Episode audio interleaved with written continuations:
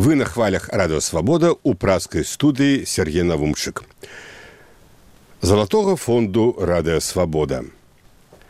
Сцяна старонкі невыдадзенай кнігі Васіля быкова.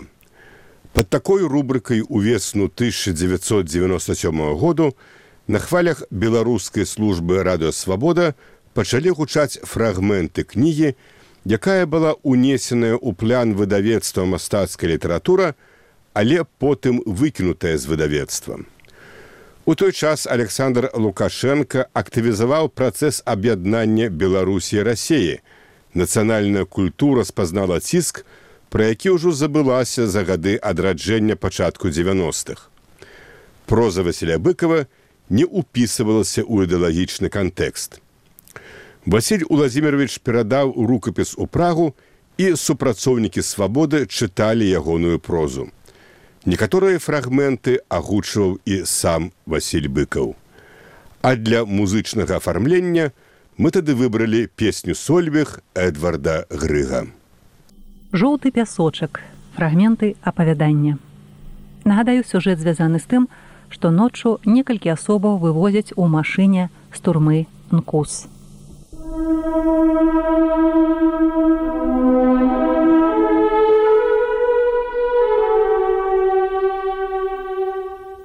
Машыне панавала цішыня, толькі чуваць было, як ляскаюць колы па бруку, ды штось паскрыпвае ў рагу буды, асабліва калі машына трапляе на выбаіну.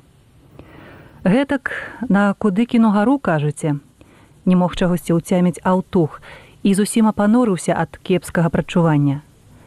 Відаць, тое прачуванне дужа яго гняло і ў хуткім часе ён ізноў заварушыўся ў цемры. Недзе тут паблізу сядзеў ягоны зямляк, нават аднавясковец, хоць і ўдвая маладзейшы за яго з гэткім самым прозвішчам казёл. Як навучыўся на настаўніка і пачаў пісаць вершы, дык змяніў тое нягеглае прозвішча на лепшае і падпісаўся пад вершамі, што часам друкаваліся ў газетах Фелікс гром. Праўда, аўтух вершаў не чытаў, толькі чуў пра іх ад людзей. Зрэшты, пра вершы на следстве з ім гаварылі мала. Болей пра тое, як гэты Фелікс казёл гром завербаваў аўтуха ў сваю шайку. Цяпер аўтух ціха паклікаў: Фэля, а фэля. Ну, пачулася здаля ў машыне. Куды гэта нас вязуць? На выкананне прыгавору з нядобрым надломам у голасе адказаў Фелікс. Фелікс гром даўно перастаў думаць і пра родную вёску і пра Менск, дзе жыў і вучыўся, як паступіў у педагагічных тэхнікум і нават пра сваю паэзію, зборнік якой ужо падрыхтаваў да друку і вясной здаў у выдавецтва. Цяпер яму ўжо не пабачыць таго зборніка, які відаць пакаралі раней за аўтара. У час следства на допытах розныя следчыя на перамен цытавалі старонкі ягоных арыштаваных вершаў.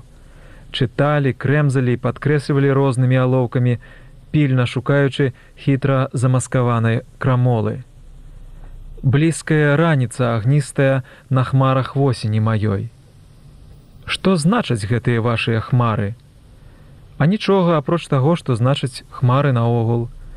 Э, не, у паэзіях хмары гэта нешта іншае, казалі літаратуразнаўцы з наганамі на баку. Гэта на небе хмары ёсць хмары, а тут штосьці іншае, таемнае. Дык што такое гэныя хмары? Што вы разумееце пад ранішнімі хмарамі?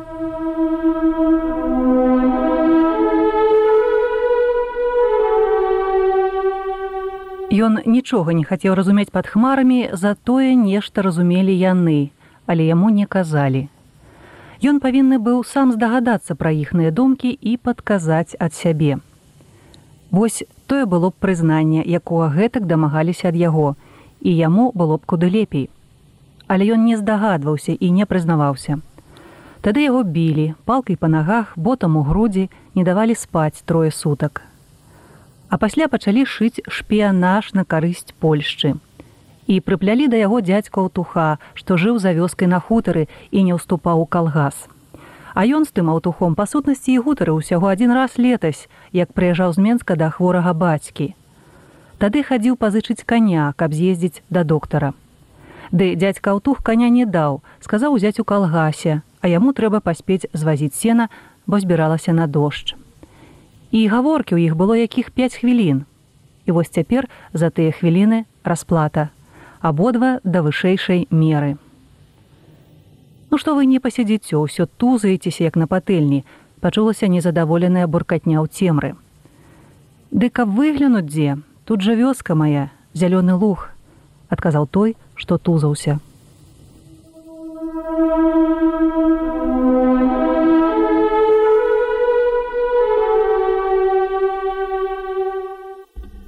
Падобна машына выехала з горада, а можа і збочыла з шашы. Рух яе прыкметна запаволіўся, вялізную буду раз за разам трэсла і хістала на выбаінах, часам здавалася, вось-вось яна спыніцца натужна равучы маторам. Партыец бальшавік шастак таксама добра ведаў гэтую дарогу і беспамылкова вызначыў, дзе яны едуць. Чым далей яны ад'язджалі ад турмы, тым ён турбаваўся ўсё болей. У турме за паўгода адсіткі ён не сказаць, каб надта і непакоіўся. Там у яго былі свае абавязкі. Дагадзіць следчым, запомніць і як мага дакладней перадаць ім пра што гаварылі арыштанты. Ужо другі год шастак быў членам ВКПБ і разумеў перадавую ролю рабочага класа ды ягонага авангарда партыі бальшавікоў. Ён няблага працаваў у дэпо, лічыўся ударнікам.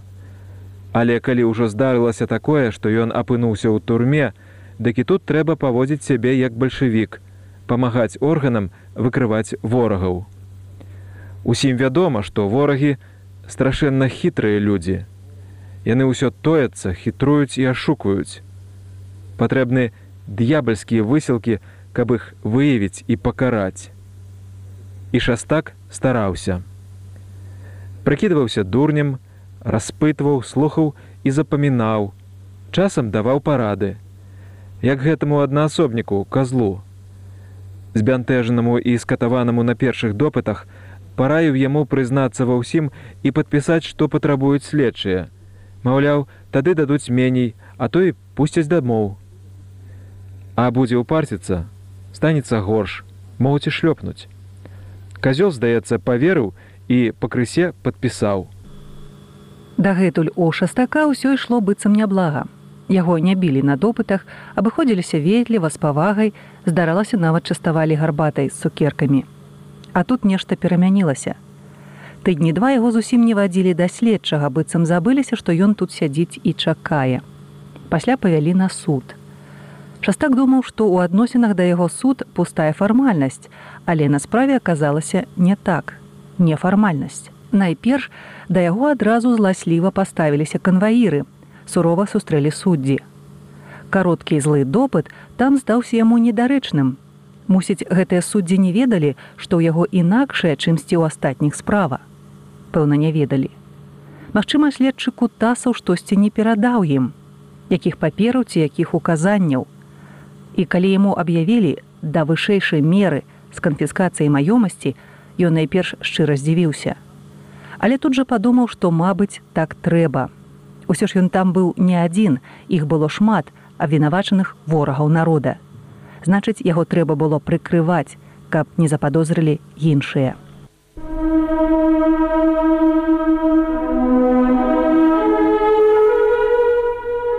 Пасля дзён колькі ён цярпліва чакаў у камеры ды марна.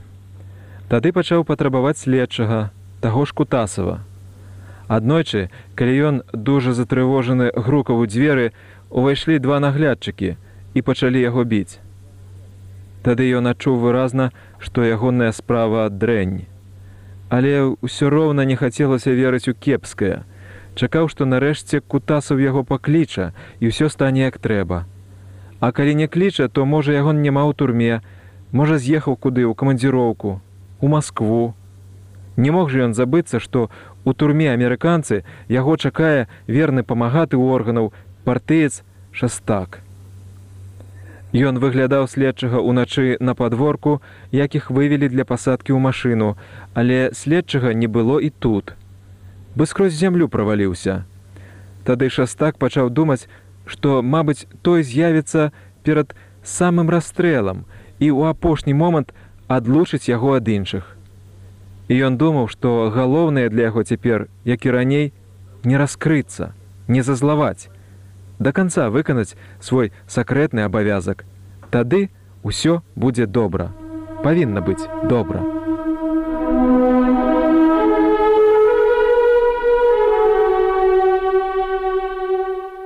Машыну моцна трасянула на нейкай калдобіне, паэт Фелікс гром аж войкнуў ад болю ў сярэдзіне.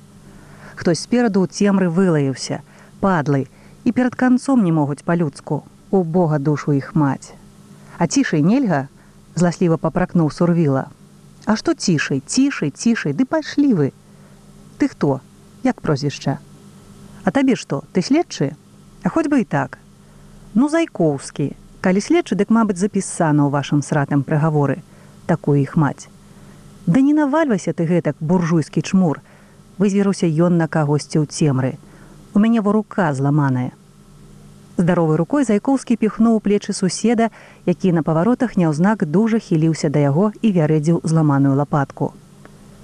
Пералом быў нутраны закрыты, стаўся які тыдзень таму на допыце, калі яго з паўгадзіны ахаджвалі два следчых. Малады танклявы як гліст і пажылы вусаты з ордэнам на гімнасцёрцы. Дабіваліся падпісаць, што ён польскі шпіён, звязаны з дэфензівай па прозвішчы млынец Але Зайкоўскі не быў лазутчыкам, тым болей млынцом, бо быў звычайны маскоўскі грабежнік, які надумаў ратавацца ад крымінальнага вышуку ў Менску. Каб не гэтая лапатка, ён бы, вядома, рызыкнуў. Было яшчэ сілы, яшчэ не ўсю яе выбілі на іх касталомных допытах. Але з такой лапаткай лічы адна рукі, а з адной рукой квіты і кранты і зайкоўскі толькі кусаў вусны ад болю і роспачы, што нічога не мог перайначыць у сваім недарэчным лёсе.